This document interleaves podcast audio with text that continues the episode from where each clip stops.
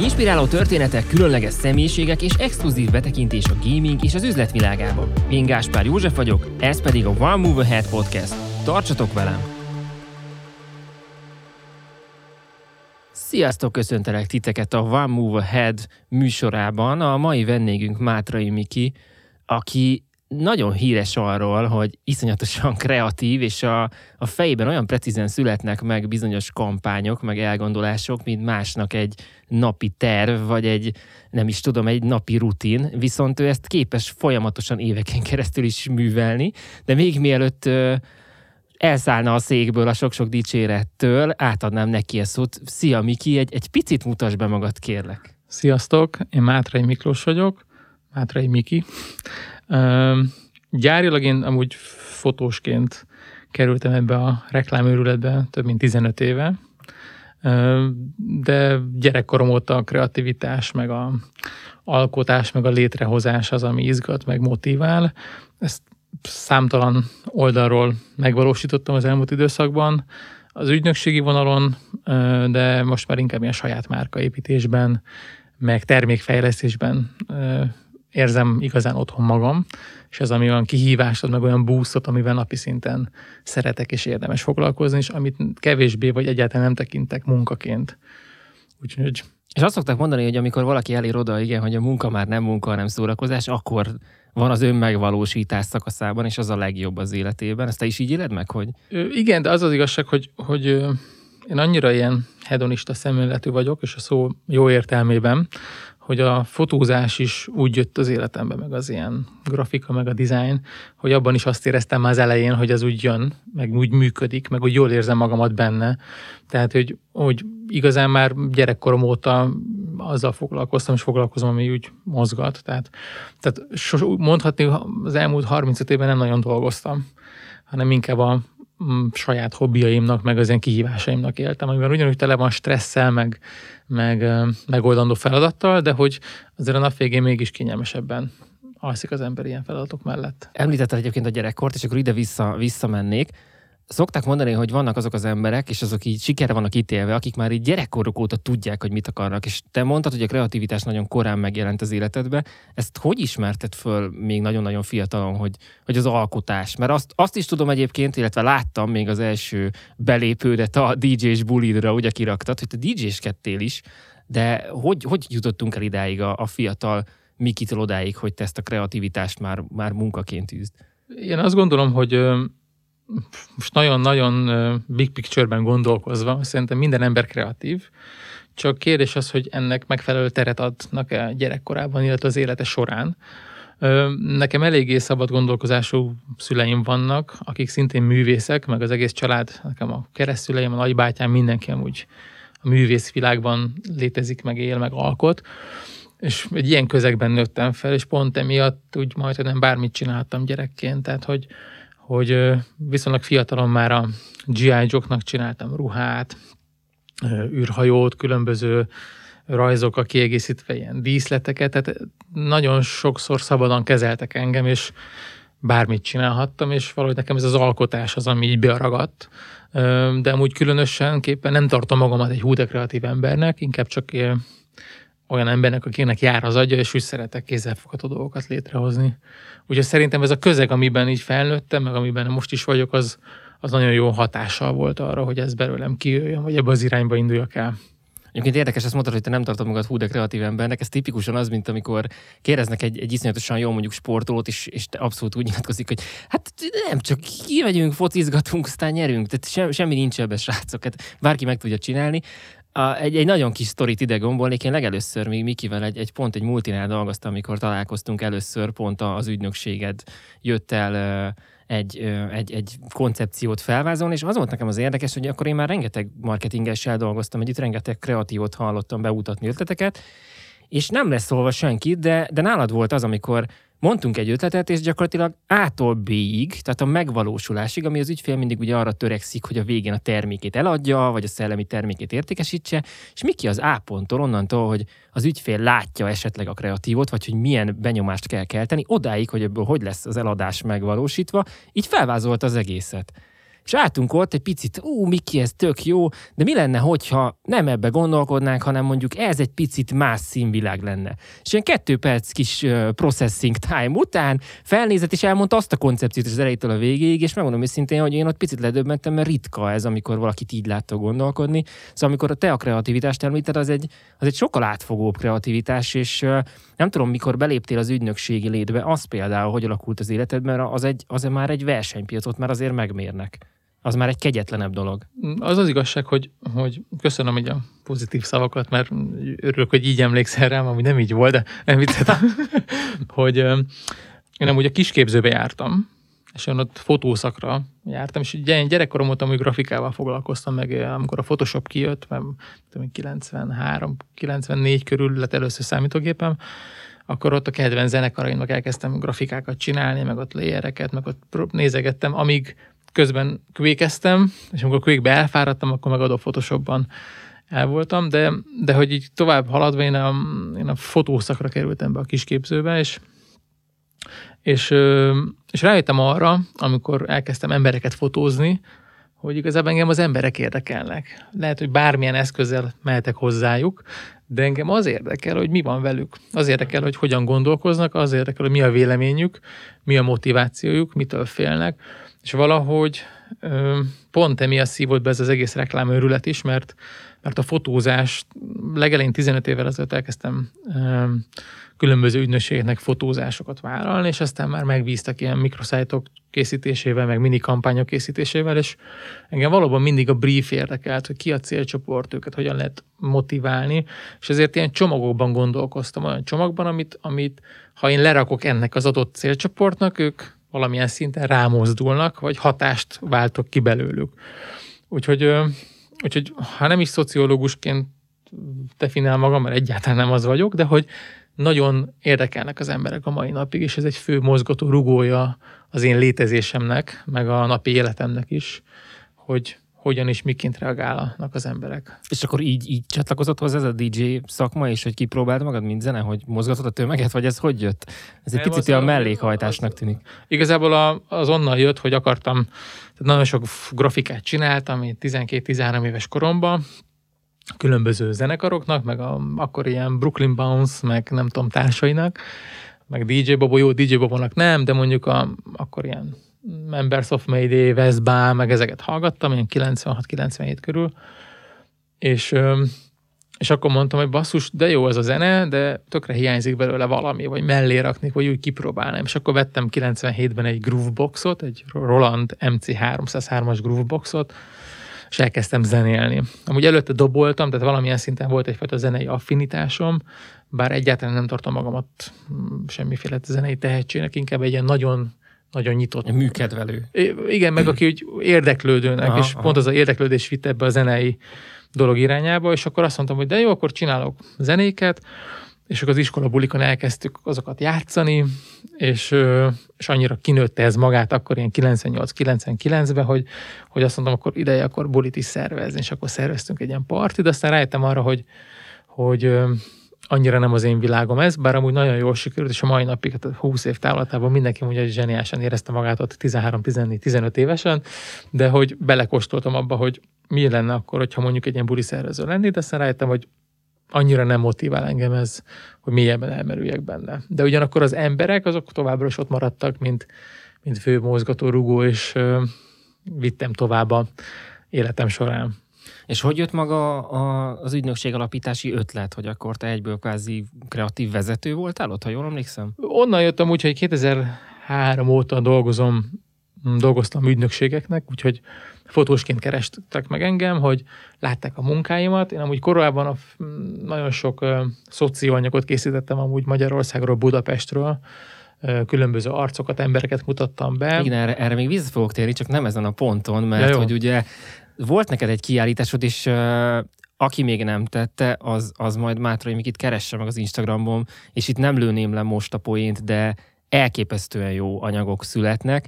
meg fogom majd kérdezni, hogy hogy készülnek most már csak azért is, mert ez egy, ez egy jó, jó esettanulmány, de térjünk oda, hogy ugye az ügynökség, és látták a fotóanyagaidat, és? Igen, és akkor megtaláltak, hogy jaj, de jó, gyere már, fotózzál. És akkor látták, hogy akkor digitálisan fotózom, ami akkor ez egy meghatározó volt, tehát 2003-2004-ben azért mindenki a filmben volt benne, meg látták azt, hogy olyan proaktívan tevékenykedek, és és mondták, hogy jaj, de jó, hogy megcsinált a fotót, akkor csinálj már nekünk bannert belőle, akkor csinálj már egy mikroszájtot. És ott tartottam, hogy 2006-2007-re komplet kampányokat kaptam nagy ügynökségektől, akik igazából azzal tudtak foglalkozni a tévét.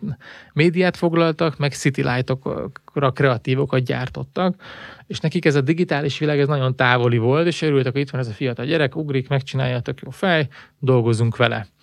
És akkor szintén az volt, hogy annyi emberen ment keresztül a kommunikáció, az ott az ügynökség, az ökánt, az ökánt direktor, az ügyvezető, az ügyfél, hogy, hogy ami hozzánk eljutott, az, az igazából nem az volt, amit az ügyfél kért volna. Akkor mondtam, hogy basszus, mm, csináljunk már egy ügynökséget, nézzük meg azt, hogy mi van akkor, hogyha mi kiállunk, és igazából azt a know-how-t, amit mi megtanultunk, azt márkákkal együtt elkezdjük kamatoztatni. És um, ekkor 2008-ban Karányi Danival, zenész barátommal megalapítottuk a Friendly nevű ügynökséget, ami azt kell, hogy mondjam, az első ilyen digitálisan gondolkozó ügynökség volt, és abszolút a, a fiatal célcsoportra az ilyen 14-25-re lőttünk, és addig is már megfogalmazódott bennünk az, hogy, hogy mi nem reklámot akarunk amúgy csinálni, nem hiszünk a reklámban. A reklám az a tévébe megy, a reklám az, ahonnan te elkapcsolsz, a reklám az, ami nem jó, a reklám az, ami el akar neked adni valamit, és mindig azt mondtam, hogy ha ez érződik, akkor én abból nem kérek. És amúgy a fogyasztók is így gondolkoznak, főleg a mai világban. És ezért mondtam azt, hogy mi vagyunk a friendly, aki hasznos és izgalmas tartalmakat gyárt a márkádnak amivel a te fogyasztóidat a legjobb, relevánsabb úton, módon elérjük. Tehát mi egyfajta barátként jelenünk meg, vagy jelentünk meg a fogyasztókkal kapcsolatban, és pont, pont ezért szerintem közelebb hoztuk igazából a márkákat, vagy a fogyasztókat a márkákhoz. És hogyan sikerült akkor ezt megvalósítani? Mert akkor már azt a kort éltük, amikor ugye jött az a, az a generációs betegség, vagy inkább jelenség, hogy a, a reklámvakság megjelent, nagyon hozzászokott valaki, hogyha bement mondjuk egy bevásárlóközpont, hogy minden akciós volt, és már igazából fel se tűnt a sok szín, sőt igazából már úgy álltál hozzá, hogy bármit veszek, szinte biztos, hogy valami leárazás lesz, nem annyira nézték az akciós füzeteket, szóval, hogy ebben a közegben akkor milyen megoldások voltak, amik működtek? Én azt gondolom, hogy akkor 2008-ból, ha beszélünk, akkor, akkor erősödött nagyon a, ez a social media story, tehát az ilyen IVIV, meg MyVIP, meg, meg ezek a blog, blog vonalak, illetve akkor a, a YouTube-os dolgok is akkor kezdtek előre jönni, tehát az emberek elkezdtek tartalmakat fogyasztani. Tehát ez a on-demand dolog akkor kezdett kialakulni, hogy fölmegyek, rákeresek valamire, megosztanak tartalmat, megnézem. Tehát ez a, ez a content seeding, és mi ebben hoztunk olyan megoldásokat, hogy azon túl, hogy a kreatív koncepciót kitaláltuk, azon túl a seedingben is segítettünk, tehát abban, hogy eljussunk a fogyasztókhoz. És itt mindig jöttek a banner ajánlatok, és mondom, kinéz banner, tehát a adblocker már akkor is volt, főleg a fiatalok kerülgették, tehát egyetlen zéró relevanciája volt, hogy azáltal elérünk releváns fogyasztót, és elkezdtünk amúgy ilyen 20-30 kollégával igazából a tartalmakat így bazzolni, tehát blogokra kitettük az akkori purutja, napiszar, most, vagy más relevánsabb oldalakra, ahol, ahol az a tartalmú teljes mértékben beleillet abba a közegbe, és azt mondta ki, látta, hogy de jó, mennyire jó fej mondjuk a Microsoft, vagy mennyire jó fej mondjuk az EA, vagy mennyire jó fej mondjuk a Coca-Cola, vagy a Heineken, hogy hogy végre egy content nekem, vagy egy reklám, vagy valami nem, nem reklám, de valami vizuális tartom, ami, ami érzem, hogy így nekem szól. Hogy, hogy, hogy ez más. Ez tök különleges. Ezt, ezzel még nem találkoztam, ezt nézzük már. És, és pont, az, pont ezen gondolkoztam, hogy akkor így konkrétan az ajtón kopogtattak a, az ügyfelek, tehát mi a helynekennek éveken keresztül dolgoztunk, a Red Bullnak, tehát olyan aktivitásokat csináltunk, hogy, hogy annyira out of the box volt, hogy nagyon sok kampányunkat amúgy több országra is amúgy vitték ki igazából, mert látták azt, hogy ez a megoldás, ez kint is tudna simán működni, és simán alokálták ott. Szóval ez egy, ez egy elég ilyen egyenesen felfele ívelő pálya, hogyha most ezt nézem, És a, a, a konkurencia nem kezdte ezt lekövetni nálatok? Tehát nem vették át a módszereket? Nem lett ez nehezebb? De átvették, csak voltunk annyira ilyen tech addiktok, hogy, hogy szerintem egy fél év, egy év, két év előnyünk mindig is volt.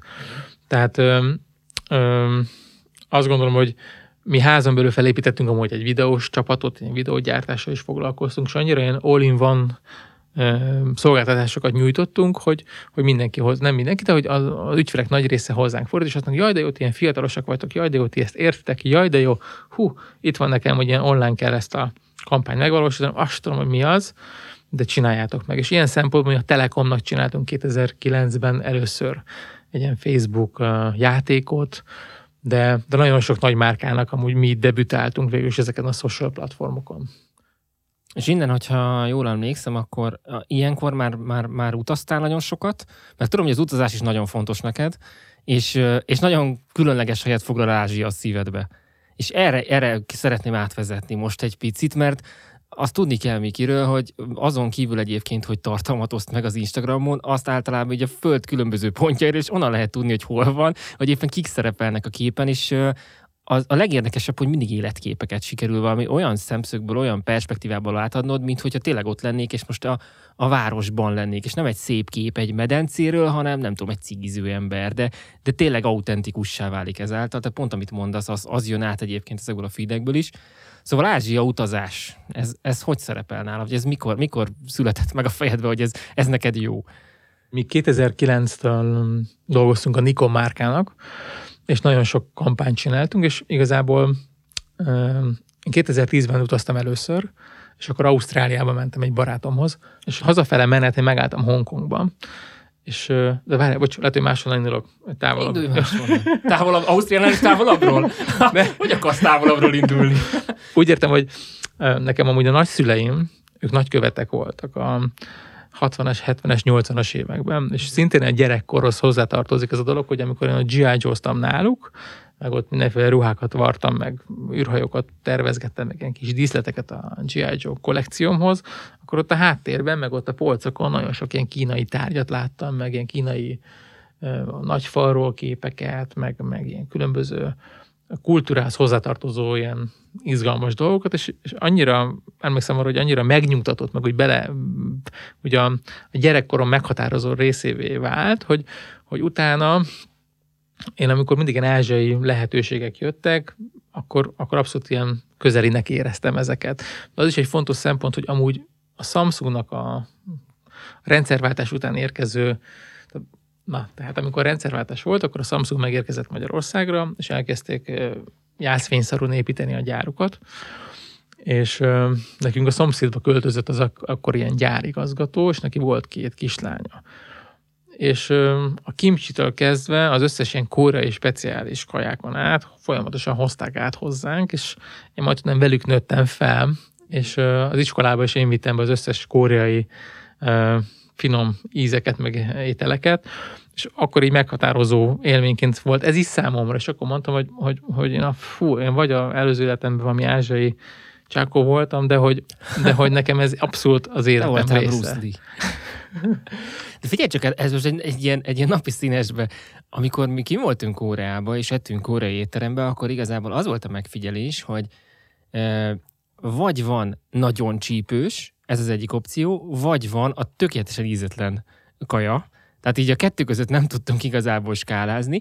Ami még jó volt, hogy ilyen kicsi porciók voltak mindenből, de tökre eltelített igazából a nap végén, Ellenben bármilyen ilyen csoki, vagy bármilyen, amit desszertként akartunk enni, ez minden rizsből volt, a pálinkától kezdve minden, és effektíve visszajutottunk oda, hogy mindenki ilyen rizs, vagy semmilyen íze nem volt, néha csoki beütéssel kicsit fűszerezve. Tehát ez, a, akkor én éltem meg rosszul, vagy ez tényleg egyébként ez a, ez a valós? Hát ez abszolút ez a valós, tehát nekik ez a lételemük, de mondjuk azért jók azok a, a nem erős dolgok, mert azt te tudod így pimpelni, hogy az mennyire legyen sós, csípős, savanyú.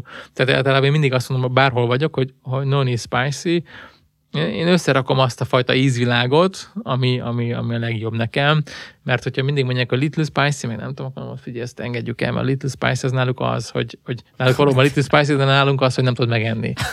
Úgyhogy jobb az, amikor... Igen, tényleg, tehát az, Ez durva ebben a kultúrában, igen. Szóval ott tartottunk, hogy te vitted be a suliba és ezt az új ázsiai ízvilágot. Igen, meg az ilyen mindenféle ilyen sushi rollokat, meg mindenféle ilyen kiegészítőket, és, és majd nem gyerek, gyerek, gyereki vágyként vártam arra, hogy itt az ideje, hogy én is megismerjem 20 évesen ezt a világot.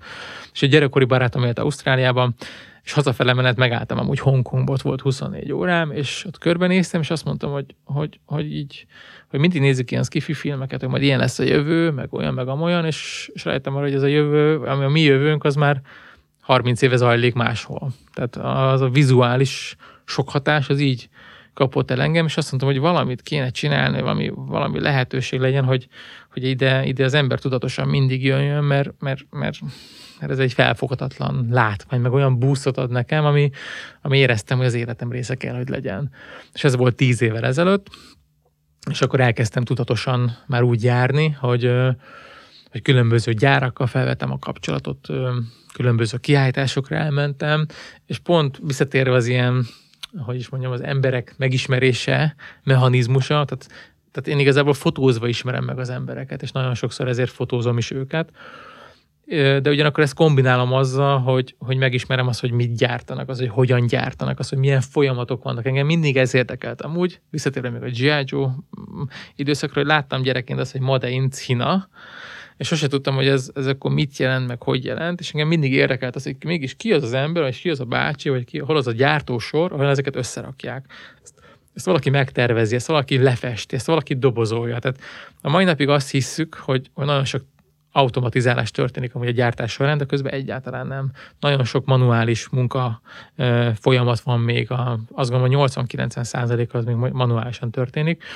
és e, ezzel a fajta érdeklődéssel fedeztem fel az elmúlt tíz évben igazából nagy részt Kínát, azon belül Shenzhen, guangzhou és azokat a régiókat, akik ma már abszolút ilyen technológiai fővárosként körözik le lassan a szilíciumvölgyet. Ide már egyetlen egy szó gyakorlatilag ide kérődzik. Ez a Phil, Phil de Mojo, ugye? Vagy Phil, Phil Mojo. Mojo. Phil Mojo, így van. És, és ezt hagynám is, hogy ezt kiborzd ezt a sztorit, mert annyira szépen átvezetted.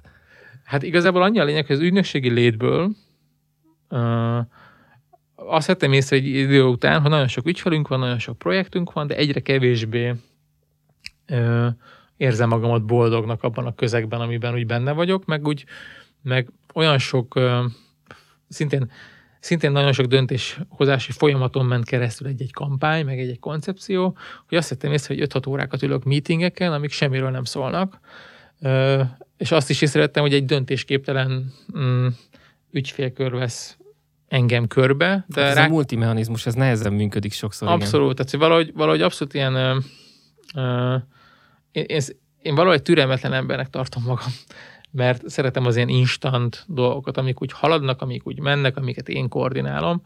És, és mindig az volt, hogy, hogy jobbnál jobb ötleteket vittünk ügyfeleknek, és azt mondnak, á, abban nem bíznak, ó, attól kicsit úgy félnek. Tehát azt vettem észre, hogy a 2008-tól mondjuk 2015-ig, 16-ig az ügyfelekben kialakult egyfajta ilyen biztonsági játékos gondolkozásmód, és akkor mondtam, hogy basszus, csinálok egy saját márkát, ahol ezeket az ötleteket elkezdem így pilotolni.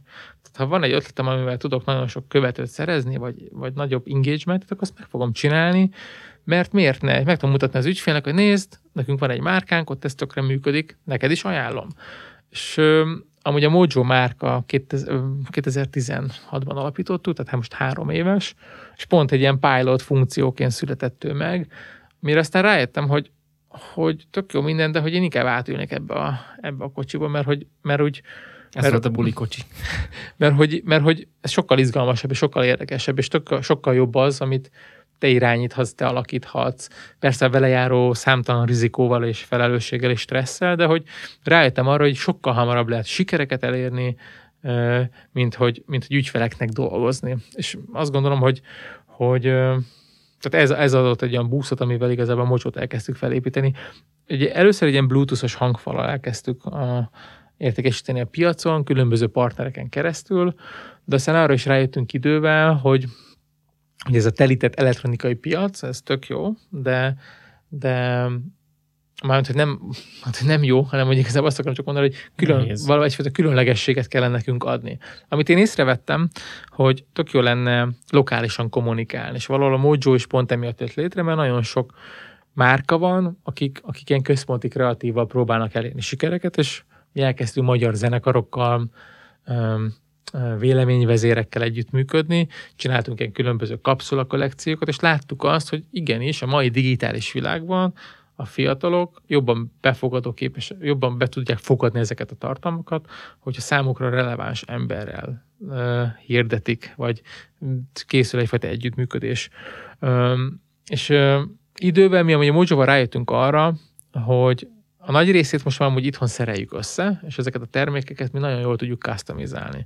Tehát arról szól a dolog, hogy nem azon, hogy legyártunk egy terméket, és bejön 5000 darab belőle, becsomagolva, bedobozolva, és akkor bevisszük a nagy multikba, és akkor eladjuk, hanem ezek a termékek nagy részt alkatrészként érkeznek be, ezért nagyon könnyen tudunk ö, ilyen kis kapszula kollekciókat, akár művészekkel, akár pedig vloggerekkel közösen együttműködve gyártani. Vagy létrehozni. Rengeteg dolgot említettél egyébként, és Tudom, tudom. annyira, annyira jó Mikivel beszélni, mert van egy íve felépítek így a fejembe egy beszélgetési ívet, és így nem is kell kérdezzem, mint én telepatikusan viszi folyamatosan arra a vonalat. Én meg így szugerálom, hogy ez az, Miki, ez az. Több dolgot is említettél, de végig, végig haladnék ezen. Mondtad a, a generációt, hogy alapvetően őket ez fogja meg, hogyha közvetlenül összedolgozol egy olyan csatornával, ami, amit kvázi ők a saját választásuk alapján fogyasztanak, lásd mondjuk egy zenekar. Viszont te, mint Mojo márka, ami akkor ismeretlen a piacon, hogy mész oda nagyobb együttműködésekbe? Tehát ilyenkor mi számít, amiért azt mondja, a, most mondok valamit, ami ugye volt, azt hiszem az első éven a halott pénz volt talán, ugye, akivel dolgoztatok együtt. Tehát amikor oda mész már egy befutott márkához, egy befutott zeneipari egységhez, és azt mondod, hogy dolgozzunk együtt, vagy most mondjuk egy influencerhez, egy relatív ismeretlen márkával, akkor, akkor mit kell megugranod az, hogy abból egy igen legyen? Vagy egy win-win legyen? Én azt gondolom, hogy, hogy, hogy egy teljesen más üzleti konstrukcióban építettük fel kicsit organikusan is a mojo és ebben a, a partnerekkel való együttműködés nem arról szól minden esetben, hogy megkapja a pénzét és szia, és akkor csak három posztot tegyék, és létszi, tegyed már ki, és tegyed már ki, hanem annyira belevonjuk ebbe az egész sztoriba, hogy magáinak érzi, és amúgy a nap végén, ha meg pénzügyileg nézzük, akkor sokkal jobban jár, mint hogyha egy cukros üdítőnek a hirdetésében szerepelne. Uh-huh. Tehát erre arra gondolok itt most, hogy, hogy vannak olyan együttműködéseink, meg lesznek együttműködéseink, ahol már a termékfejlesztés elején bevonjuk az embereket. Ezek sokszor 3, 4, 5, 6, 7, 8 hónapos folyamatok, de amikor létrejön egy termék, akkor abban ő beleszólt, hogy az ilyen színű legyen, olyan kialakítása legyen, körülbelül ekkora akkumulátor legyen benne, milyen teljesítményű legyen benne a, a, a drive is. Tehát ilyen szempontból ö, mi így tervezünk elő, tehát a jövő évi kollekciónk az már így készül, és így sokkal magány, sokkal jobban magáinak érzi ezt a dolgot, meg amit mondtam is, hogy ha, ha materiális oldalról nézzük a dolgot, akkor a nap végén sokkal jobban járnak a partnereink. Úgyhogy ezt, mi ezt pilotoljuk az elmúlt két-három évben, és azt kell, hogy mondjam, hogy nagyon jól működik, mert nagyon nagy nyitottság is van amúgy a partnerek részéről. Tehát amikor egy audioeszközet kb. oda mentetek, és azt mondtátok, hogy ez a koncepció, akkor ők egyből belevetették magukat, és így alakult ki a Igen, hogy tetszett nekik ez a sztori, terméksor. jaj, de jó, akkor, ez, akkor nem arról van szó, hogy akkor így mosolyognom kell, és akkor úgy kell viselkednem, mintha ahogy én nem viselkedem, hanem hanem natív lett az Igen. egész, tehát effektíve tényleg beleírt a környezetbe, Abszolút, jól értem. abszolút. És használják ők a terméket? Tehát utána, amikor, mikor vége van egy ilyen kampánynak, akkor megmarad a, a kapcsolat? Tehát azt hogy látod? A, a piac nyitott Én erre? amúgy nagyon szeretem lá, viszont látni a termékeinket, és a legjobb, amikor napi szinten így megyek az utcán, és így nem azt mondom, hogy minden ember rajta van, de mondjuk azért napi négy-öt ember azért látom a termékünket, és azt gondolom, hogy ez egy tök olyan feedback, hogy, hogy igen, ezt azért érdemes csinálni, mert, mert ez, ez beérik, és eljut az emberekhez. De visszatérve a kérdésedre, az összes partnerünk a mai napig használja, sőt van, aki fölhívott, hogy, hogy elázott, cseréljük ki, de annyira ragaszkodik hozzá, hogy ilyen színbe adjuk neki oda, mert, mert ez tökre illik a nappaliába, meg amúgy minden, ez van a kocsiba. Tehát tök jó látni azt, és ez a legfontosabb szerintem, hogy, hogy mi mindig olyan termékekkel foglalkozunk, amik, amik abszolút illeszkednek, a, ami nagyon könnyen be tud illeszkedni az embernek az életébe. Tehát, hogy ö, ö, első sorban amúgy mm, úgy fejlesztünk terméket, hogy hogy nekem megfeleljen. Tehát, hogy én, én ezt napi szinten tudom használni, beleillik, és érzem a hiányát, akkor ez egy jó termék. Tehát ez abszolút egy ilyen szubjektív oldalról jön, utána pedig átadom a kollégáknak, meg a, a, a, a csapattagoknak, hogy teszteljétek ti is, hogy ebben hisztek, próbáljátok ki a prototípus, nézzük meg, és hogyha ő náluk is átmegy, akkor, akkor kezdünk el ilyen tömeggyártásban is gondolkozni. És most vissza egy kicsit Ázsiára, mert hogy ugye arról a vonalról érkeztünk a, a Mojo-ig, ami maga a márka. Én ott voltam egyébként a Mojo születésén, és ott akkor beszélgettünk is többet, és láttam, hogy akkor is olyan előremutató kampányokat csináltatok, amit például senki. Tehát nálatok láttam először például azt, hogy az Instán ugye a falat úgy rendeztétek be képekből, igen, igen. hogy kérott egy sok kép adott ki kvázi egy nagyot, és hogy ezek a, ezek a megoldások, ha most megnéztem az Instát, most dolgoztuk úgy, hogy két kép, de ugye háromnegyed vágással, tehát az egyik képnek igazából a másik a háromnegyed, és ugyanott az üzenet, ami megint csak egy ilyen intuitív dolog, és, és, és gyakorlatilag három ilyet megnéztem, és azon kaptam magamat, hogy keresem, hogy, hogy mik ezek a reklámok, mert annyira jó volt fotózva.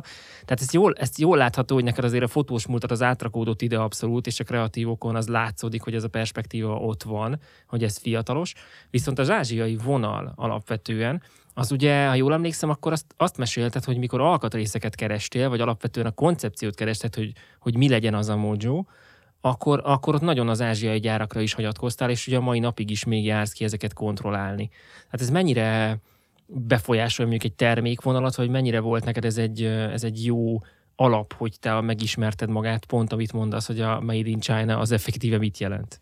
Igazából én mindig gondolkozom ezen, hogy hogy valahol mi nagyon szerencsétlen helyzetben vagyunk, hogy, hogy magyarként Kínáról, meg a kínai emberről nekünk a, a, az ilyen fast food gyors éttermek, meg az olcsó zokni bugyi jut eszünkbe. Mindent meg lehet kapni, egy üzletbe jut eszünkbe. Tehát, hogy... meg hogy egy műanyag szag, mert hogy, mert hogy amúgy az a másfél milliárdos Kína az nem erről szól. A, az a másfél milliárdos Kína az igazából szerintem bármelyik nap keresztbe lenyeli Amerikát, a saját kis 300 millió emberével, és, és olyan technológia van már ott, meg olyan szemléletmód, ami, ami lehet hallani a hírekben is, de hogy annyira ki van találva, és annyira működik, hogy, hogy azt gondolom, hogy, hogy ennek a 7-8 milliárd embernek a, a abszolút függő viszonya kezd kialakulni Kínával kapcsolatban. De hogy visszatérjek amúgy a, a kérdésedre, nekem az volt a fontos, hogy amikor e, ötletek jutottak eszembe, hogy milyen termékben kéne gondolkozni, akkor ezt a magyar gyárakkal beszéltem, meg magyar gyártósorokhoz próbáltam eljutni, csak alapvetően a kapcsolatfelvétel sem sikerült nagyon, mert nem fölhívtam őket többször, nem hívtak vissza, írtam e-mailt, nem válaszoltak, tehát effektíve ö, itt így megakadt ez a dolog. És aztán akkor mondtam, akkor kimegyek Kínába, és akkor megnézem azt, hogy ez mi és hogyan és miként működik, mert hogy mi idővel megtanultuk ezt az egészet kezelni. Tehát arra gondolok, hogy ha van egy ötlet, akkor milyen folyamatokon kell keresztül menni ahhoz, hogy ez egy kézzelfogható termék legyen. Milyen ö, problémák adódnak nekünk. Amúgy van egy irodánk Shenzhenben, vannak magyar kollégáink kint. Tehát mik azok a... Ők ott éltek, vagy, ők, vagy ők innen mentek ki? Ők ott, ott éltek, amúgy haza akartak jönni, és amikor kimentem hozzá, akkor mondtam, hogy hogy szerintem maradjatok, mert érdemes lenne ezt itt tovább bővíteni. Tehát igazából mi, amit így megtanultunk, hogy mi egy hidat építettünk fel Magyarország, vagy Európa és Kína között, és ezen a hidon érkeznek be a mi termékeink, akár szétszerelve, akár, akár bármilyen más formában, de hogy mi amúgy ezt tanultuk meg, vagy legalábbis én ezt tanultam meg az elmúlt tíz évben, hogy, hogy hogy kell ezt koordinálni és kialakítani. De mai napig olyan kapcsolataim vannak Kínával, meg a, a gyárakkal, hogy, hogy abszolút mi adjuk a 3D terveket, a rajzokat, abból készülnek az öntőformák, tehát, hogy azért izgalmas a dolog, mert, mert például nagyon sok kínai ügyfelünk is van ezáltal, mert oh. tetszenek azok a tervek, amiket mi leadunk nekik mojóként. És mindig mondják, hogy de jó, nekik ez tökre tetszik. Nem csinálunk egy másik fajtát, egy másik dizájnban, mert nekik nincs ötletük, hogy milyen legyen. Mert mi valamelyest mi ezt az ilyen európai inputot adjuk nekik, és ezt ők, ahogy én látom, ezt tökre nagyra értékelik, mert ők másféleképpen gondolkoznak, és ebből adódóan nekünk nagyon sok ilyen partneri kapcsolatunk is van, tehát nagyon sok grafikus, meg designer barátom rajtunk keresztül dolgozik kínai cégeknek, akiknek ilyen európai vagy amerikai vizuális, akár grafikai, akár formatervezési termékekre van szüksége. Ez most érdekességképpen így elmondtam, de hogy, hogy ez is egy ilyen új utat nyitott meg valamelyest, de hogy olyan a nexusunk ezekkel a gyárakkal, hogy, hogy akár kicsi darabszámokat is meg tudnak egy-egy termékből le tudnak gyártani. És azért is fontos ez, mert, mert valamelyest én azért tudatosan szeretném a Mojo márkát felépíteni, vagy továbbépíteni.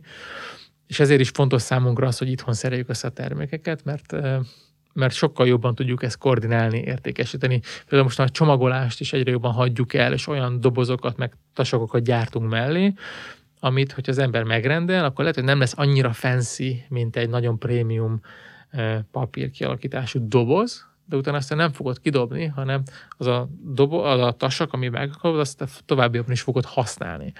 Tehát iszonyat mennyiségű szemét gyűlik össze ezekből a dobozokból a műanyag kis dolgokról, amiket le kell tépegetni, meg a kis kábelrendezőkből, meg mindenből, és mi ezt egyre jobban próbáljuk és kezdjük mellőzni, hogy, hogy egyfajta tudatosabb gondolkodás. Előre mutatóbb legyen. És abból, ebből meg gondolom azért marketing előtt is lehet kicsit kovácsolni. Hát mi most kezdjük ezt kommunikálni, hogy abszolút. Tehát teljes mértékben ez, ami, amely szempont. Mennyire játszik nálatok egyébként azt, hogy az ötleteiteket lenyúlják? Tehát azért mégis Kínáról beszélünk, itt, itt mindenki azon gondolkozott még korábban, hogy a Made in China az egy olyan minőség, ami tuti valaminek a koppintása, hogyha, hogyha Amerikából Európába jött, akkor az az eredeti, és most igazából a szöges ellentétét mondod el, hogy, hogy egy nagyon precíz gyártó rendszer van tulajdonképpen Kínában, de tényleg ez a hiedelem, ez mennyire létezik még, hogy egyszer csak megjelenik egy Mojo-like termék itt a szomszédban?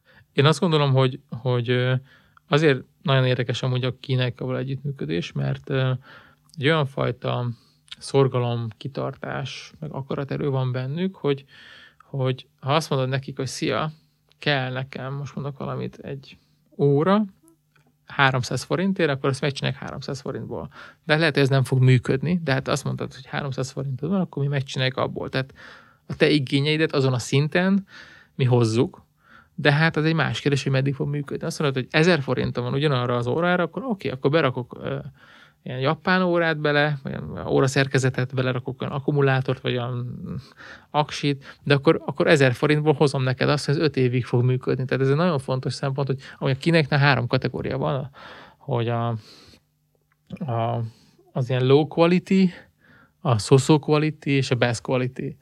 so quality. és igazából arról, hogy ők rossz minőségű terméket gyártanak, arról a világ fogyasztói igénye tehet. Mert hogy ott vannak a telefonboltosok, és azt mondják, hogy egy kábelt 200 forinttal akarnak venni, és akkor azt mondja, hogy én 200 forintért megcsinálom. Tehát nem fogom úgy leforrasztani, meg úgy kialakítani, hogy ez hosszú ideig legyen, működni fog egy hétig, két hétig, három hétig, három hónapig, de hát te adtad ezt a briefet nekem, és én briefre dolgozom. Tehát ez egy fontos dolog, hogy, a, hogy a rossz minőség az amúgy valamelyest a, a, a világ igényének meg a pénzügyi szintjének egyfajta ilyen reflexiója. Ez így van, de megtehetnék, hogy azt mondják, hogy 200-ból nem állítom elő, mert rossz minőségű lenne. Tehát, hogy nem muszáj lehajolni minden forintért ilyen szempontból. Igen, de hát ők ezzel nem. Azt mondják, hogy 200 van, csináljuk. Ez olyan az, hogy tényleg, hogy azt mondom, hogy figyelj, itt van a zsemle, ez 30 forintba kerül, ez a 30 forintos zsemle, van a 50 forintos zsemle, abban már belerakok egy Párizsit, és a 200 forintosban meg akkor Bécsi szeretet beleteszek neked. Tehát, hogy Aha. ez ők a... rakják úgy össze. Igen. És uh, ugye mondtad is, hogy, hogy tulajdonképpen egy, egy tömött szegmensben hoztad ezt létre. Tehát tényleg nagyon sok elektronikai eszköz volt már akkor, mikor kigondoltad, hogy akkor legyen ez Bluetooth hangszóró. És uh, két dolog érdekel. Alapvetően ezt, amikor azon gondolkoztad, hogy fizikai terméket hozol erre a piacra, akkor, akkor mi volt az, ami a hangszóró mellett döntött, és mi volt az, amire azt gondolt, hogy oké, okay, akkor ezzel tuti be tudok ide. Pedig ugye volt nagyon komoly márkák már, akkor próbálkoztak ezzel. Szerintem pont utána volt a reneszánsz ezeknek a hangszóróknak. A másik az, hogy hogy, hogy lőttétek be magát a, a célcsoportot. Hogy ki lesz az, aki tuti meg fogja venni mondjuk azon az árponton. Már pedig azért nem a, nem a legolcsóbb volt akkor a Mojo, erre jól emlékszem, de, de minőségben tényleg jó volt, viszont ennek a kommunikáció az mindig egy ilyen sarkalatos pont. Hát mi abszolút a 14-25-ben gondolkoztunk, mert, mert megmondom őszintén, hogy azért már nem ebbe a korosztályba tartozom, de azért visszatérve az emberek ismeretére, meg a kutatására, az mindig is érdekelt, hogy mi az, ami motiválja az embert. És, és erre lőttük be ezt az egészet, ez a 14-25-ös korosztály, aki így benne van ezekben a social dolgokban, aki már menekül a Facebook elől, és inkább az ilyen Snapchat, Instagram vonalon pörög. Meg a másik az, hogy, hogy a, a Mojo kommunikát, tehát azért nem féltem az elején amúgy ebbe belevágni, mert azt láttam, hogy annyira, akkor a reklámzaj van amúgy, meg bemegy az ember egy plázába, és ugyanazok a termékek ugyanúgy ott vannak mindig más-más név alatt, hogy azt mondjuk, hogy mi pont az ellenkezőjét fogjuk csinálni. Tehát, hogy, hogy abban hittem, hogyha kicsit mi out of the box gondolkozásba belépünk a piacra, akkor meg tudunk olyan hullámokat lovagolni, amik, amiket akár mi is generálhatunk.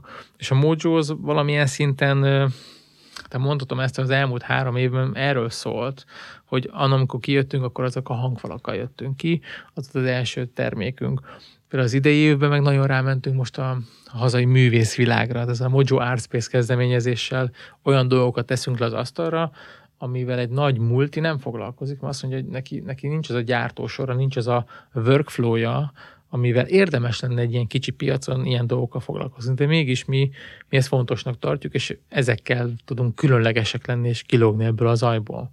Volt ugye most a testre, szabá, testre szabásra gondolsz, hogy igen, igen. olyan típusú jelenik meg. Ugye volt nem is olyan régen egy kvázi megnyitótok, ahol az influencerek saját maguk tervezték ezeket a hangfalakat, illetve hangfakborítást, hogyha jól láttam.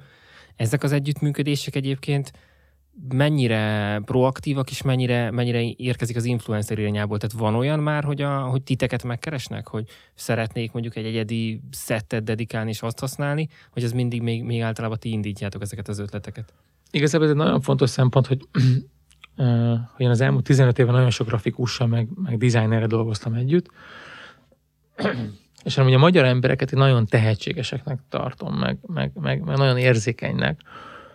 És megmondom őszintén, nekem ilyen személyes felelősségemként is kezelem azt, hogy, hogy, hogy ezeket az embereket valamilyen, tehát minél több publicitást adjunk nekik, minél jobban megmutassuk őket. Mert azon túl az Instagramra kiraknak pár tartalmat, amit lájkolnak, vagy esetleg akár Facebookon vagy máshol megosztanak, de kevésbé jut el a mainstream médián keresztül a fogyasztók felé. Az, hogy egy-egy magyar művész milyen tehetséges, vagy milyen kreatív dolgokat tud létrehozni.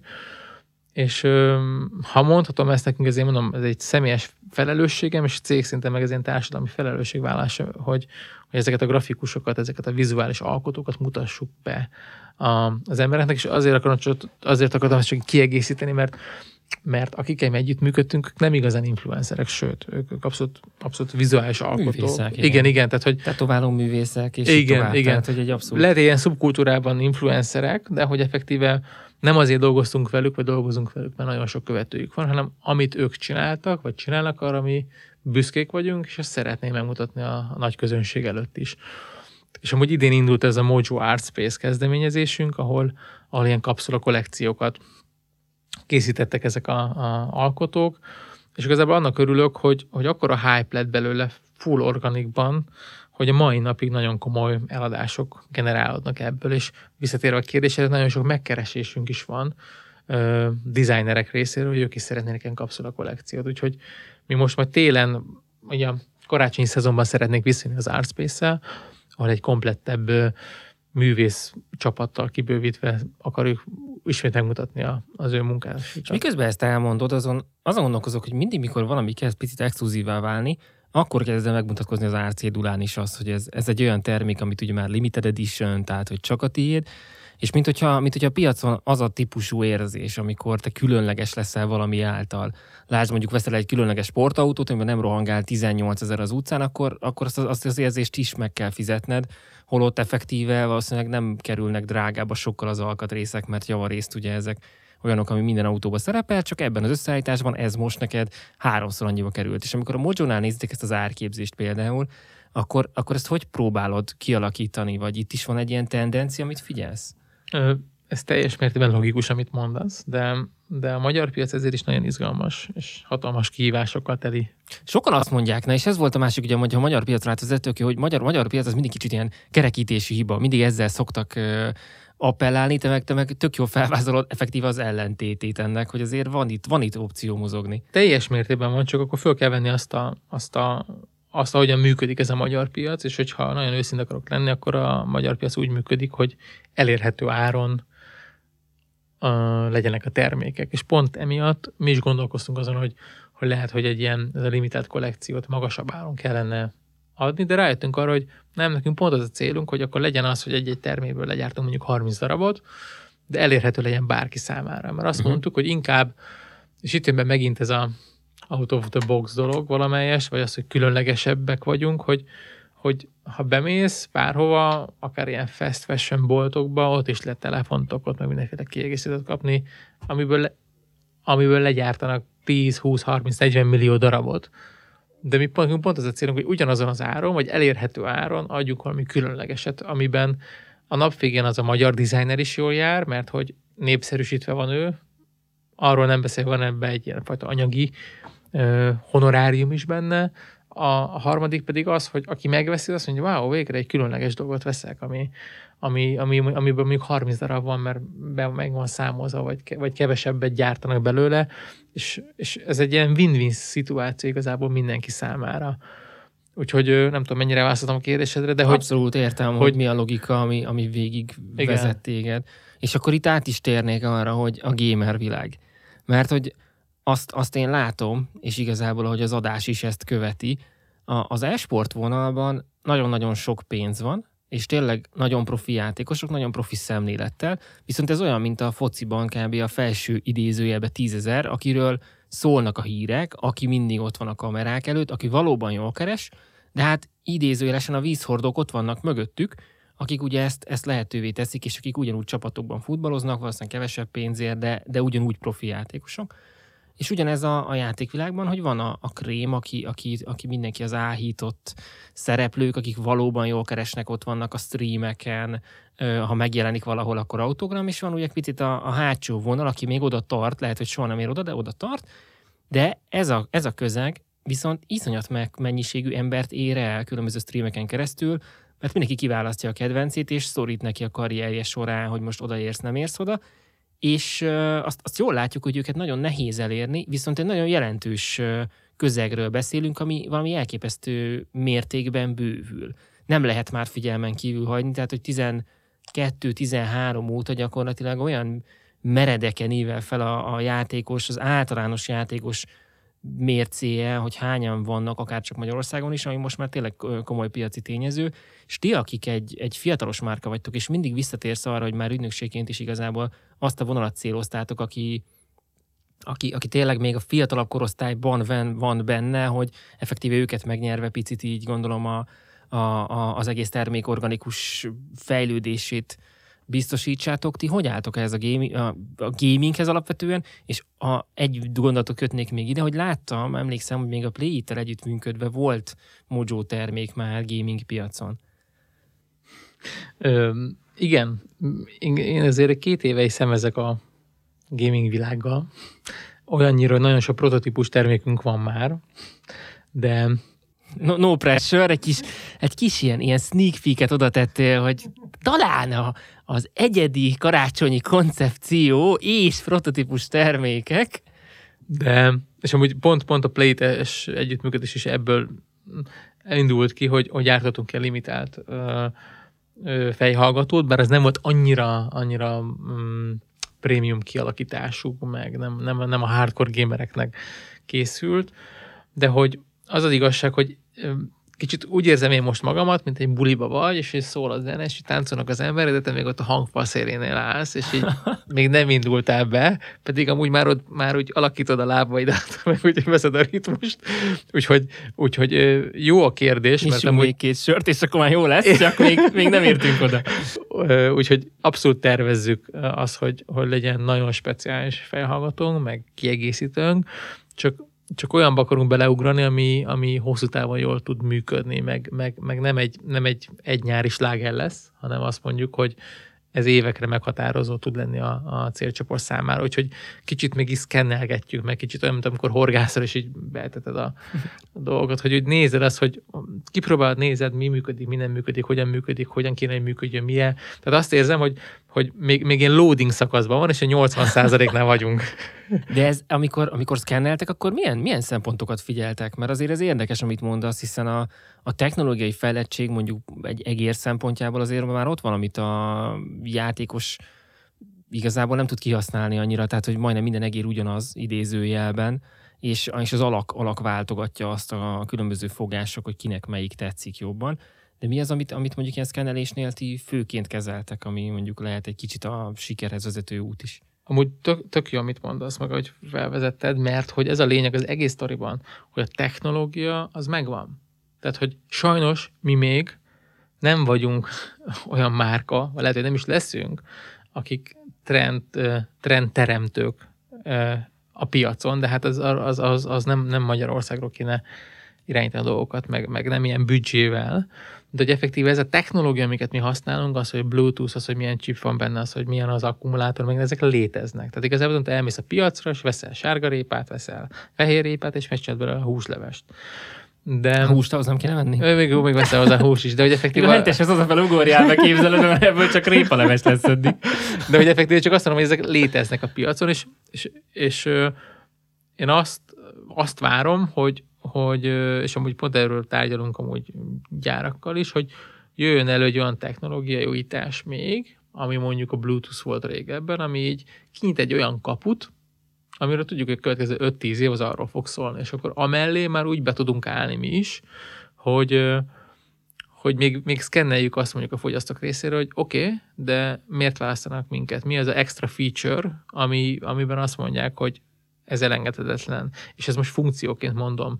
Tehát, hogy, hogy vagy, vagy funkció, meg egyfajta ilyen impulzusként is, hogy, hogy, hogy azt mondja, hogy kap egy jó inputot tőlünk, oké, okay, de mi az a pont, amiért azt fogom, hogy leveszem a fejemre mondjuk a fejhallgatót, és mosót fogok venni. Tehát ez, ezt, ezt nézegetjük, hogy mi az a kiegészítő, vagy hogyan olvad bele úgy az ő életébe, ami, ami, ami igazából azt fogja mondani, hogy öt évig biztosan ő nekünk ö, ö, lojális vásárlónk lesz. Uh-huh. Van egyébként ebbe a gamer vonalba, amit egy egyenének tartasz, ami ezért eltér attól, amit mondjuk az általános fiatalok csinálnak? Mire gondolsz? Hát olyan, olyan tulajdonság, olyan trend, vagy olyan, ami, amivel mondjuk egy külön vonalat kell, hogy építsetek, külön kampánylogikát kell egy felépítsetek, tehát ami nem illik bele ebbe az idézőjeles streamline, ez a teljesen már kitalált koncepciók, jól működő koncepciókba. Igen, hogyha arra gondolsz, vagy én arra gondolok ebből, hogy, hogy mm, ez, azt gondolom, ez százszerzalékban funkcióként. Uh-huh. Tehát, tehát a Mojo ha mondhatom ezt, egy cool brand, ami cool, tök jó hordani, meg jól áll rajta, meg jól néz ki. De nem a specifikációja nyeri meg az embereket, hogy most hány decibelen szól, és az, hogy most mennyire aranyozott a kábel. Míg ebben a szegmensben azt látom, hogy tökre fontos, hogy jól nézzen ki, de mondjuk ez 20-30%-ban fontos, és inkább azok a feature-ök számítanak, amik, amik, amik a, a használat során jönnek ki előnyök. És ez a mi esetünkben egy teljesen más szemléletmódot igényel. De hozzá kell tennem, hogy a mainstream Mojo termékek is nagyon jók, és nagyon jól szólnak, és, és hónapról, hónapról, hónapról, évről évre jobb termékeikkel jövünk ki. Csak azt gondolom, hogy ez még tekibb irány, és ebben erősítjük most magunkat. Figyelj, picit átfordítom ezt a gondolatmenetet. Mi van akkor, teoretikusan játszunk el ezzel, jó? Hogy Mojo most egy, egy, egy top 5 brand mondjuk a világon. Tehát abszolút oda tart. Még most ugrunk 10 évet, és már a Mojo ott van. Abban az esetben, hogyha mondjuk bevezetsz egy új terméket, ami fiataloknak szól, akkor, akkor hogy fognál neki egy ilyen stratégiának? És ott most visszautalnék arra, hogy most jön az a, a Mickey Magic, amiről beszéltem az elején. Tehát most a másik oldalról közelíted meg, most tényleg te amire mondtad is, hogy megvan most a tőke és kvázi a hatalom. Hát akkor az, az a scanning. Tehát, hogy, és a scanninget én úgy értem, hogy akkor személy szerint leülök 100-200 emberrel, és kérdezem azt, hogy mi az, ami kell, mi az, ami nincs, mi az a feature. Hú, de úgy vennék olyat, ami mondjuk het, van egy ilyen specifikáció, nekem a 79 ezer forintos hangfal kellene, vagy fülhallgató, de hogyha 49 meg tudnám kapni, akkor az tök jó lenne. Tehát igazából és ez az, ami, ami kicsit a tánc is valamelyest, akkor bemennék a tömegbe, és táncolnám, és nézném azt, hogy ki hogy reagál erre a bugira. És figyelnéd, hogy ott marad a tömeg, vagy egy kicsit szétnyílik, és Igen, figyel tehát, hogy, hogy, hogy, én azt gondolom, hogy és amúgy valamelyest az Apple-nek nagyon jó a stratégia ilyen szempontból, hogy, hogy, hogy azt érzem, hogy ők, őnek igaz a stratégiájuk, hogy, hogy cool dolgokat csinálnak, és, és igazából ők nagyon arra az emberi, hogy is mondjam, emberi gyallóságra, vagy, vagy az emberi egoizmusra épül, hogy, hogy igen, nekem iPhone-om van, igen, nekem AirPods-om van, igen, én, én, én, én ezt megengedhetem magamnak, én ki tudok ezzel a tömegből. Igen, mondjuk ez engem egyáltalán nem érdekel, de látom azt, hogy 10 9 ember ezért vesz ilyen jellegű márkát, vagy ilyen terméket, de aztán van a legdurvább az egészben, amikor beakad a termék. Tehát amikor az van, hogy azt mondod, hogy úristen, nem is tudtam, hogy ez ilyen jó. Mennyire beleépül az életembe. Uh-huh. És, és ez olyan kicsit, mint hogy, mint hogy amikor az ember így mondjuk egy parkolóba áll be kocsival, és tele van. Tele van az egész parkoló kocsival, de egy mész, nézegetsz, és aztán látod, hogy mégis van egy hely. És valamilyen szinten én, én ezt nevezem ilyen scanningelésnek, hogy nagyon sokan vannak, nagyon ki van alakítva, de ott azért mégis be tudsz állni, és tudsz valami egy helyet találni magadnak, amit aztán meg utána mondod, hogy hé, hey, gyerekek, itt állok, ez azért jó, mert itt nem süt a nap. És ez valamilyen egyfajta ilyen USP, ami a termékre jellemző, vagy arra a helyre, ahol beálltam kocsival. Nem tudom, mennyire volt ez Abszolút szabad értem, asszociáció. Hogy, hogy lehet ezt az egész egyediséget megcsinálni ebben, ebben a nagy tömegben. Igen, ez, ez, hát, ez rezonál, ezt értettem teljesen. És azt gondolom, hogy ami talán az egészben a legfontosabb, hogy, hogy ezek olyan adatok, meg olyan információk, amik, amik abszolút ilyen, ilyen személyes beszélgetések során jönnek ki szerintem. Tehát, hogy, hogy lehet ebből különböző kutatást csinálni, de ott ilyen táblázatok töltögetésén ezek a fajta nüansznyi finomságok, vagy különlegességek nem jönnek ki. Legalábbis én ezt látom. És oda kell figyelni nagyon arra, hogy az emberek akkor végül is mit gondolnak erről a termékről, és ezt nagyon lehet szkennelni, ezt mondtad, hogy ez nagyon fontos.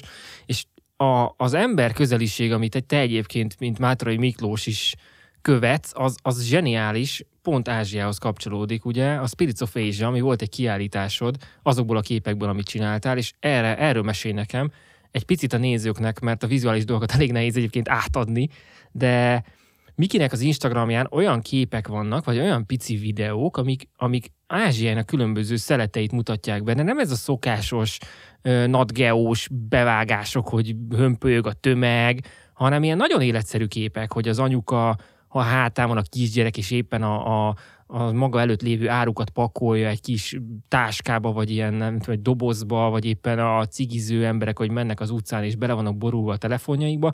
Egy olyan ilyen kis mini társadalom kép, ami, ami egyébként nem látható, és te mégis elhozott hozzánk, de erről innentől meséljétek, kérlek, mert szerintem nagyon érdekes.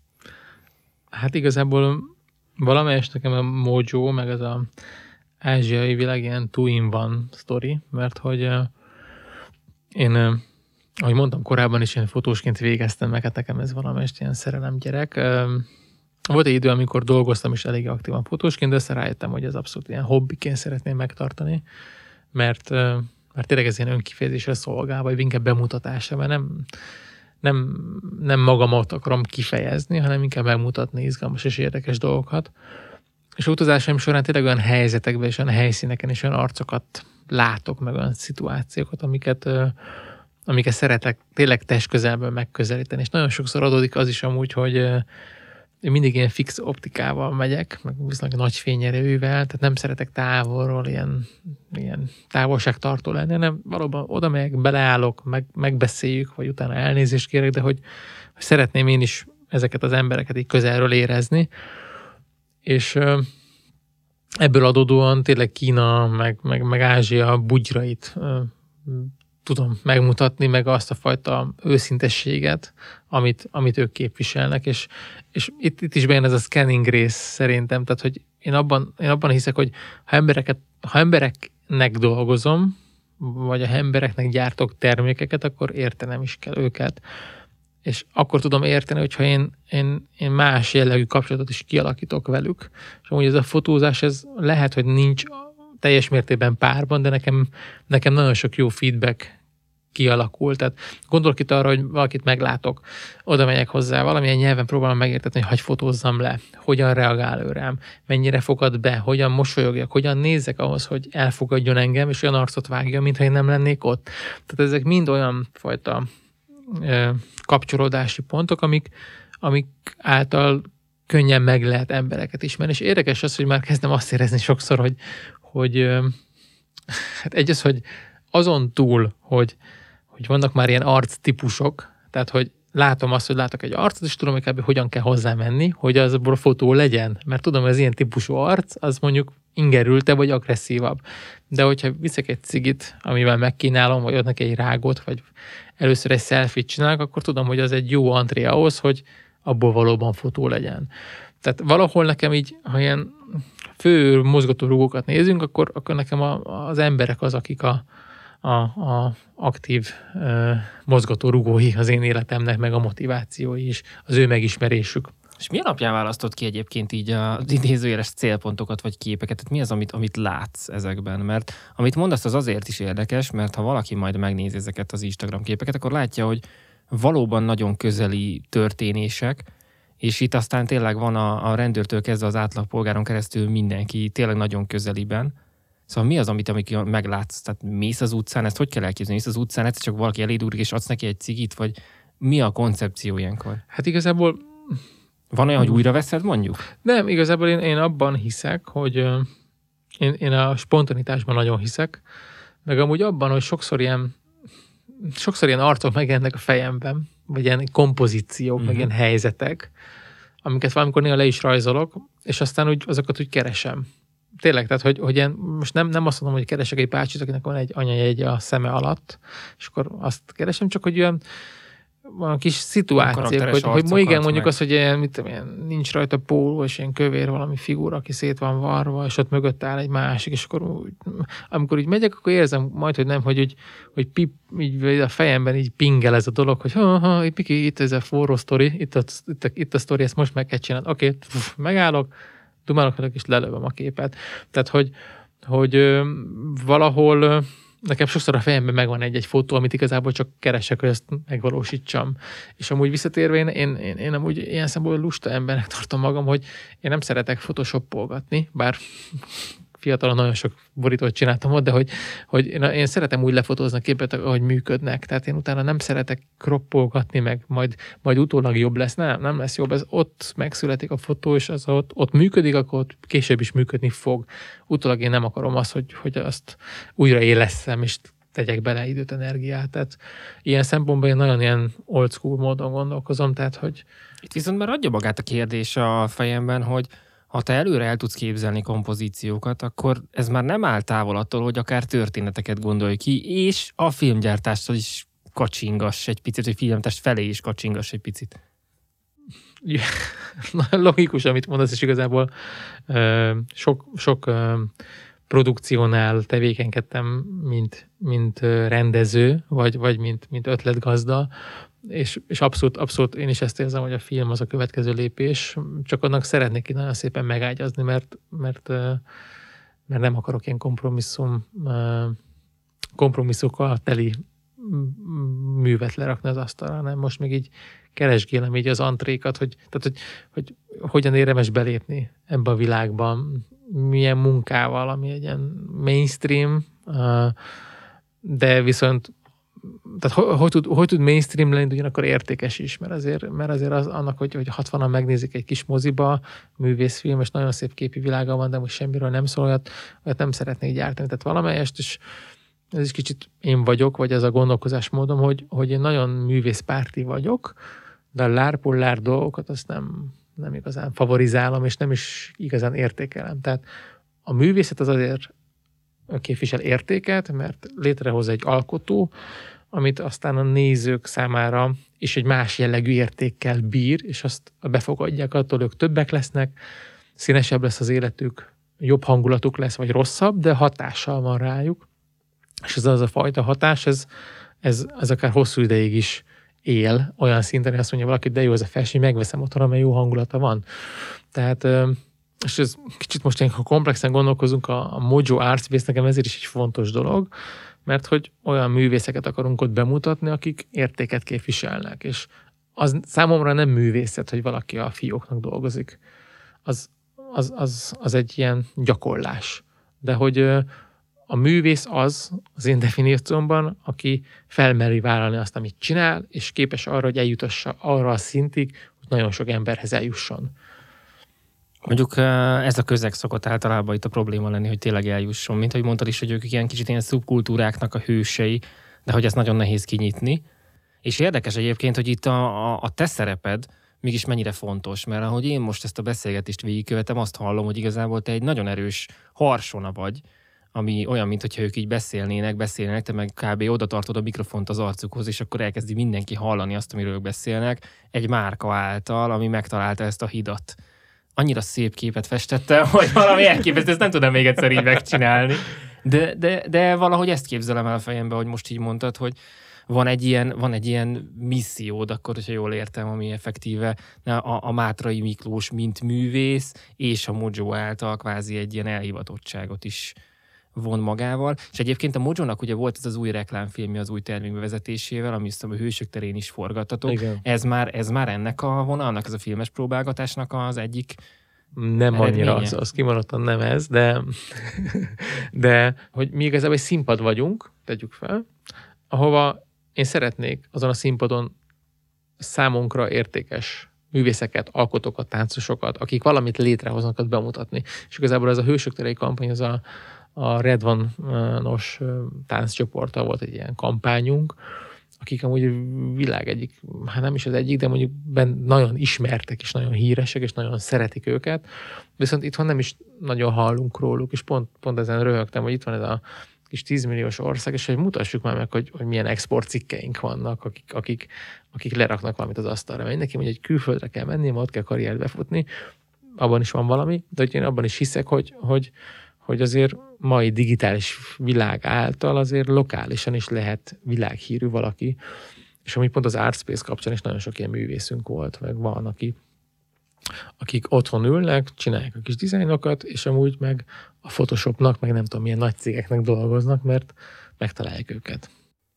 És itt most nagyon szépen átkötötted megint csak egy olyan gondolatba, amit szerette óra felhozni. Tehát a Mikivel azért jó beszélgetni, egyébként a legjobb beszélgető partnerek így, így működnek, hogy ki se kell mondanom, de az a gondolat jön, és nekem már csak kérdeznem kell egyet, és már el is indul tovább a vonat, tehát egy kis szenet rálapátolnék erre, jó?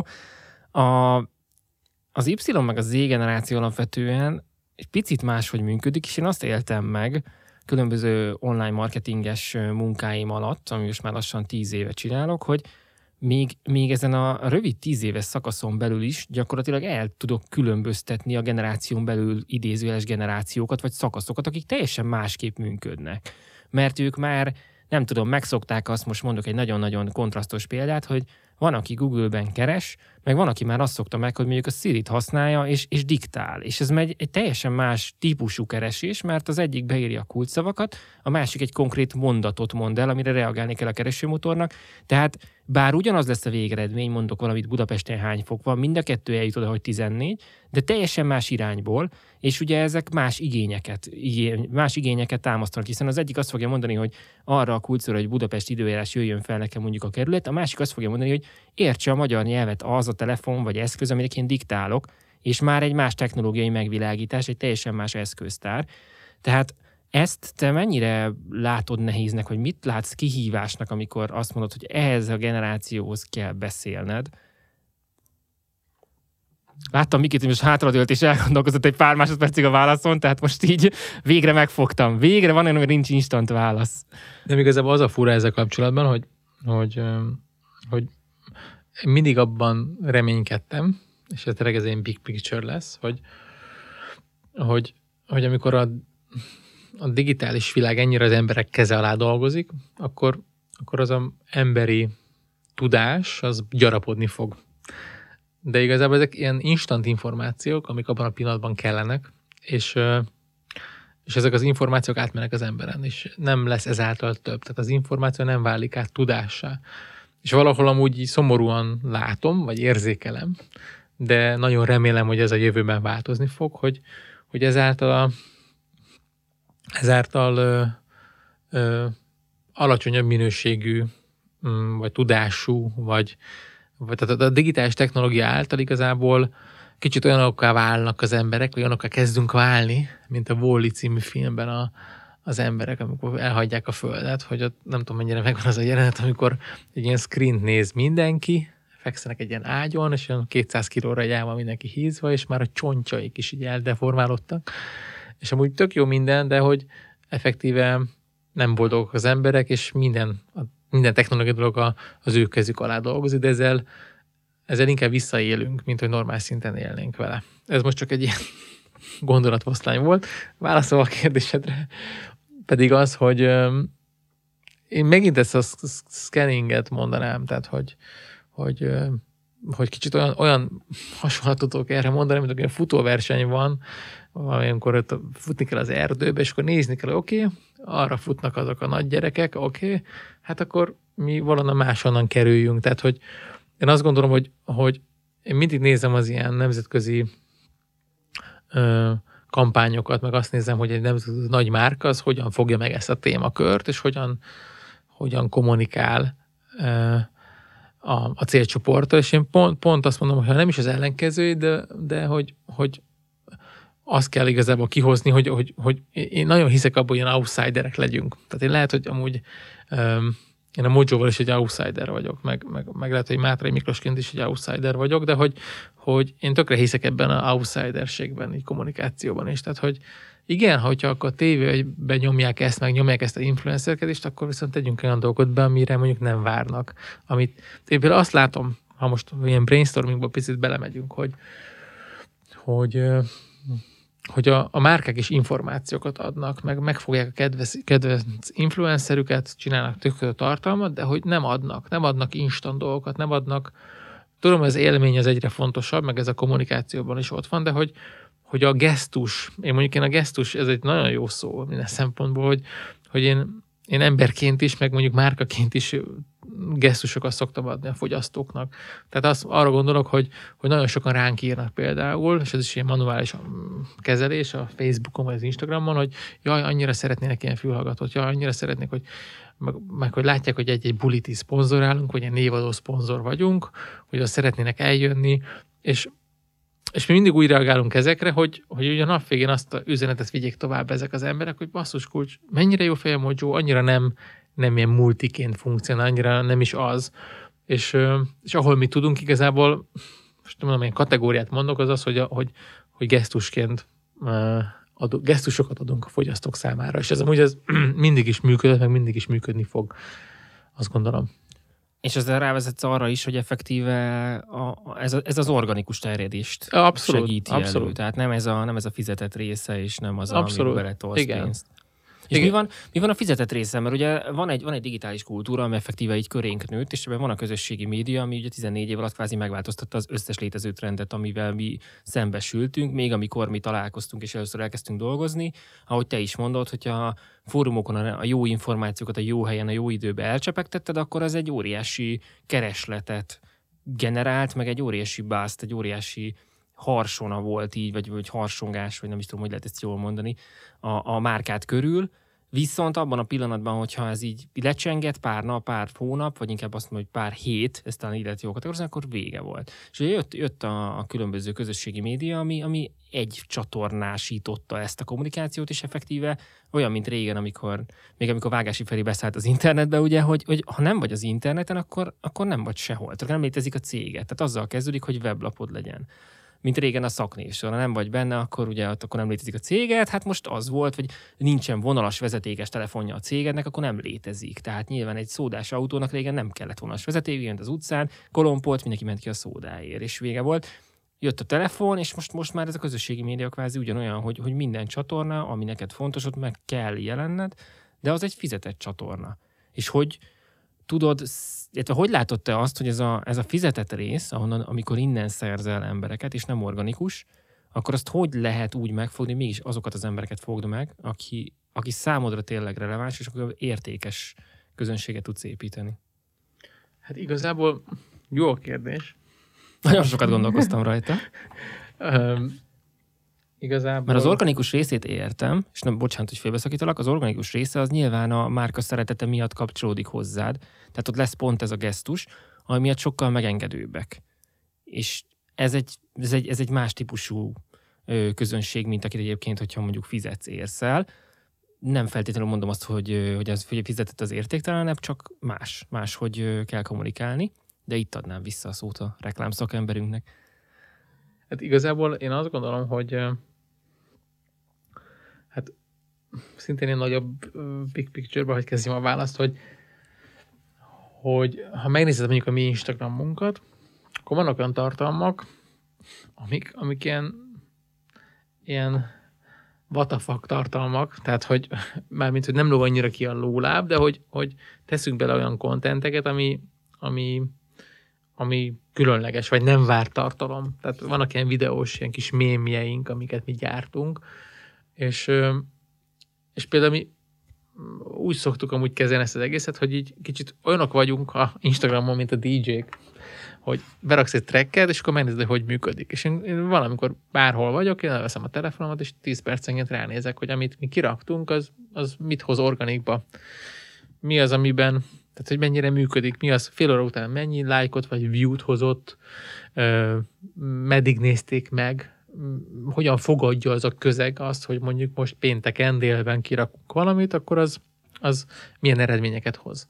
És, és általában olyanokat szoktunk kitenni, vagy már bevált sablonrendszerünk van, nem is sablon, keretrendszerünk, hogy mikor érdemes ezeket a tartalmakat kipörgetni, mert innentől kezdve az az ember, aki nekünk ilyen lojális követőnk, azt látom, hogy lájkolja, megnézi, foglalkozik vele, és aztán szoktunk amúgy rárakni búszot, vagy adunk neki nagyobb fizetett hirdetést, amivel, amivel azt látjuk, hogy a mi kis 500 kötője 2000 fős mini közegünkben ez nagyon jól teljesített, akkor nézzük meg azt, hogy ez, ez fizetősként is mit hoz.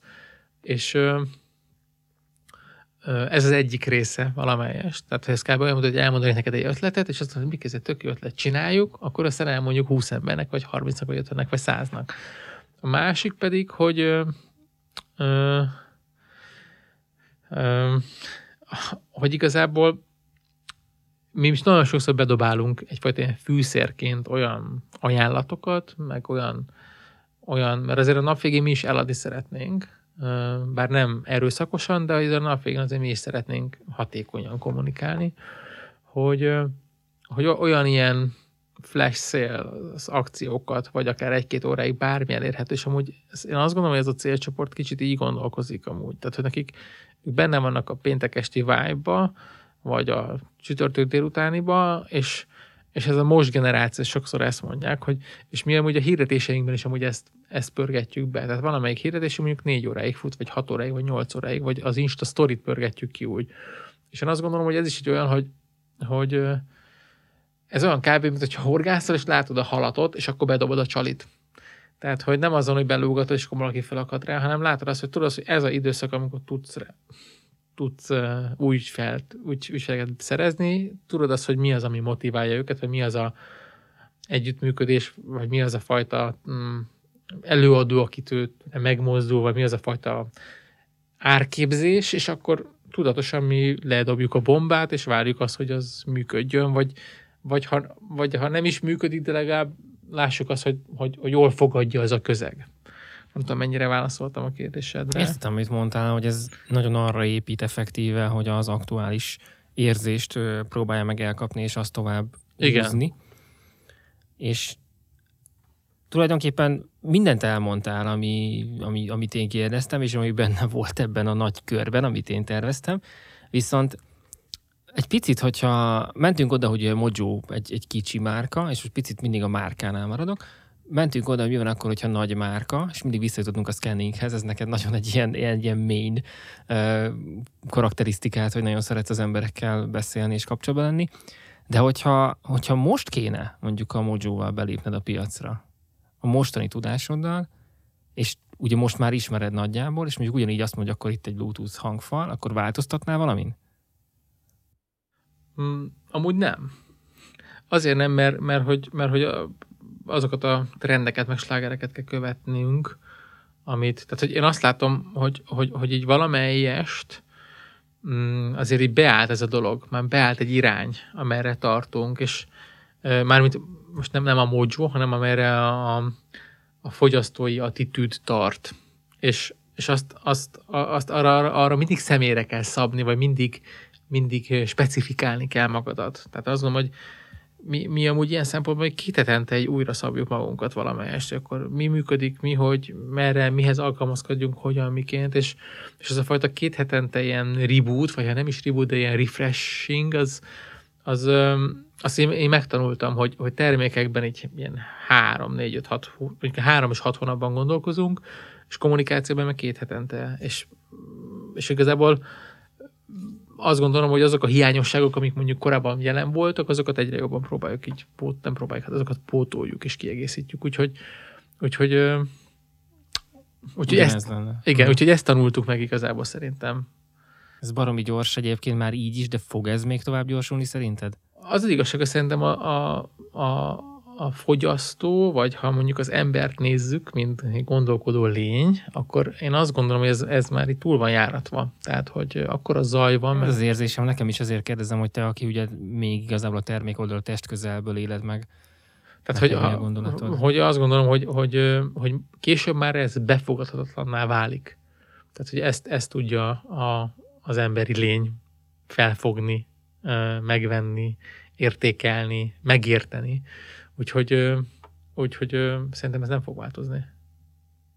És hogyha most az értékesítésről beszélünk, akkor, akkor a digitális csatorna az erősebb, vagy az, hogyha effektíve kihelyezed a terméket? Mert ugye itt beszéltél arról, hogy van egy egyedi megjelenése ennek, tehát ez nagyon nem mindegy. Ez hogy... jó, hogy mondod amúgy, mert, mert én pont ennél a Artspace-es rendezvényünknél jöttem rá, hogy, hogy ide digitális, oda digitális. Ami offline van, ott van a való életben, az, az nagyon-nagyon fontos, és nagyon-nagyon beleépül az embereknek az életébe. Most nem arról beszélek, hogy mikor az ember kimegy a Sziget Fesztiválra, és ott egy hatalmas zajtömegben áll, és 500 márkának ott csorog a logója, mert az, azon nem sokat ér el, de hogy látom azt, hogy, hogy hitelessé válik egy márka offline térben is aktívan jelen van, vagy jelen van, vagy hangját adja. De amúgy még azt is észrevettem, hogy az érdekességképpen, hogy és amúgy mi most pont ezt csináljuk egy picit, hogy valamikor nagyon kell nyomni, és valamikor meg csöndben kell maradni. És akkor úgy várják, hogy, hogy akkor hogy most akkor mi van, most mi történik, most mi lesz, meg hogy lesz, és akkor az ilyen nagy boom előtt ö, akkor ott kicsit, mint amikor az ember ugrik egyet, akkor kicsit legugol, és aztán ugrik. Tehát én, én látom ezt, ezeket a fajta kommunikációs dinamikákat, ezeket fontos betartani, mert úgy, mert, mert jobb hype-ot lehet generálni ezekkel. Hát Mátrai Miki gyakorlatilag a, a tudásának legjavát átadta ebbe a podcastbe, aki csak ezt a másfél órát hallgatja végig, az, az azt mondhatja, hogy mindent megtudott a, a szakma alapjaitól egészen a mai trendekig, én azt gondolom, hiszen eléggé tágan a fizikai terméktől, a, a digitális reklámozáson át az YZ generációig mindent, mindenről volt szó ebbe az adásba. És én ezzel köszönném meg, Miki, hogy eljöttél hozzánk, és beszéltél ezekről a dolgokról. Nagyon színes volt, én nagyon élveztem a beszélgetést, és remélem te is. Hogyha pedig a közönség úgy kívánja, én nagyon remélem, hogy még egyszer szemben ülhetünk egymással így a mikrofonok mellett. Én köszönöm a lehetőséget. Sziasztok! Sziasztok!